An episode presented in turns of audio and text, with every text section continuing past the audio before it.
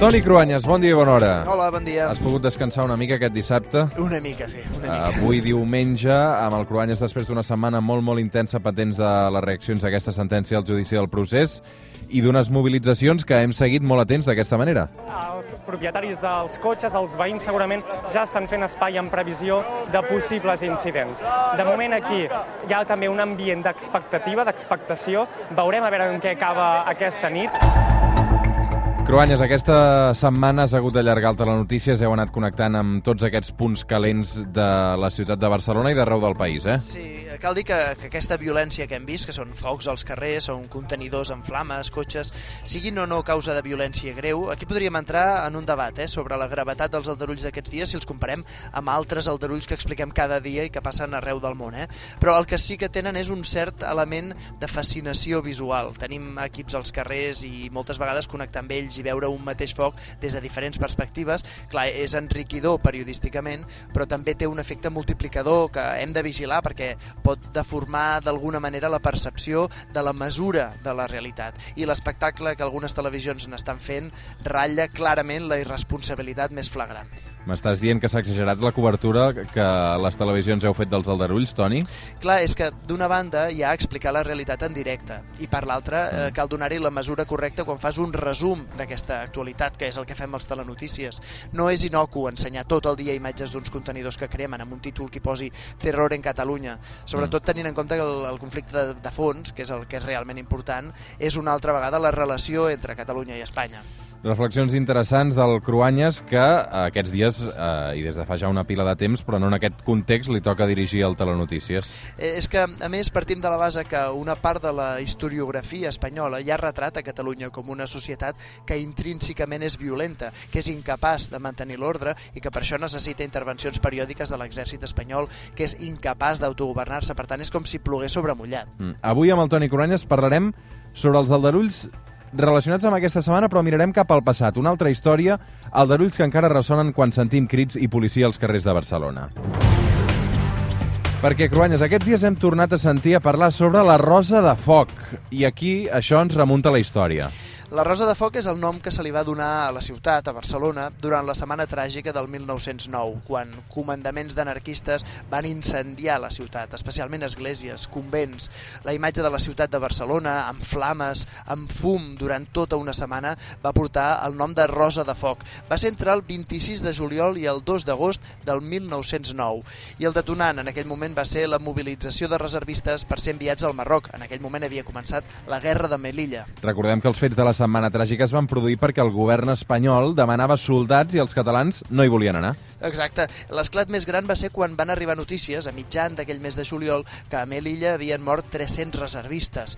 Els pànics de les famílies es van barrejar amb la sensació d'injustícia, que era molt gran perquè els catalans van tenir la sensació que es demanava més soldats catalans que de qualsevol altre lloc.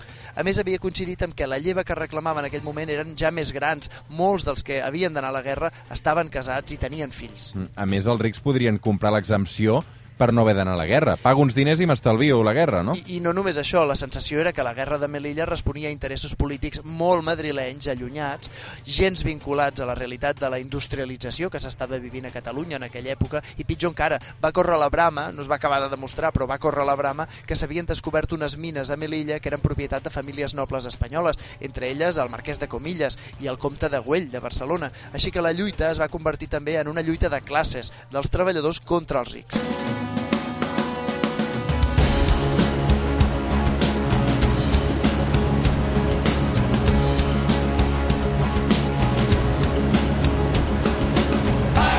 O sigui, Cruanyes, pel que m'estava explicant, la violència de la Setmana Tràgica era per protestar contra el govern espanyol i contra els rics, però es van acabar cremant convents i matant capellans i monges. Sí, és que aquella protesta ho va ser també en resposta a un malestar general, en un context de lluita política, de lluita obrera.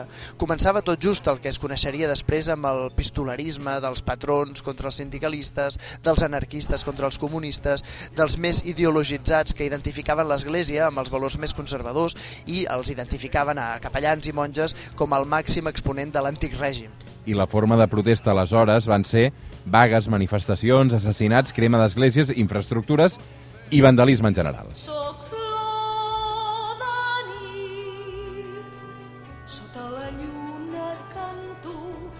Toni, Manuel Vázquez Montalbán va escriure el text teatral Flor de nit per Degoll de Gom com un retrat romàntic i cruel de la Barcelona Rosa de Foc. Sí, és un musical, eh, deu fer ja uns 20 anys, molt bonic, amb un punt romàntic però també molt realista sobre el que devia ser la Barcelona de principis del segle XX. La Setmana Tràgica va acabar amb entre 90 i 110 morts pels aldarulls, amb 400 ferits. Van acabar fusellant 5 persones. Va haver-hi 15 penes de presó, uns 200 desterraments legals, però es calcula que amb 2.000 persones que van marxar a l'exili fugint de l'exèrcit espanyol. I malgrat que les revoltes van ser organitzades de forma caòtica i amb convocatòries molt plurals, des de la CNT fins al PSOE de l'època, eh? o al Partit Republicà Radical, al final el cap de turc per al govern espanyol va ser un pedagog, un il·lustre pedagog, Francesc Ferrer i Guàrdia. Però també va haver una important víctima política espanyola, que va ser el president del Consell de Ministres, el president del govern de l'època, el mallorquí Antoni Maura. Era un regenerador des de l'ordre a Madrid, però el rei Alfons XII el va destituir per la Setmana Tràgica de Barcelona. Anys després tornaria a ser president del govern. Eh? Però els aldarulls van ser els antecedents, el que després seria l'arribada del dictador Primo de Rivera al poder a Espanya amb l'objectiu de posar ordre i madura.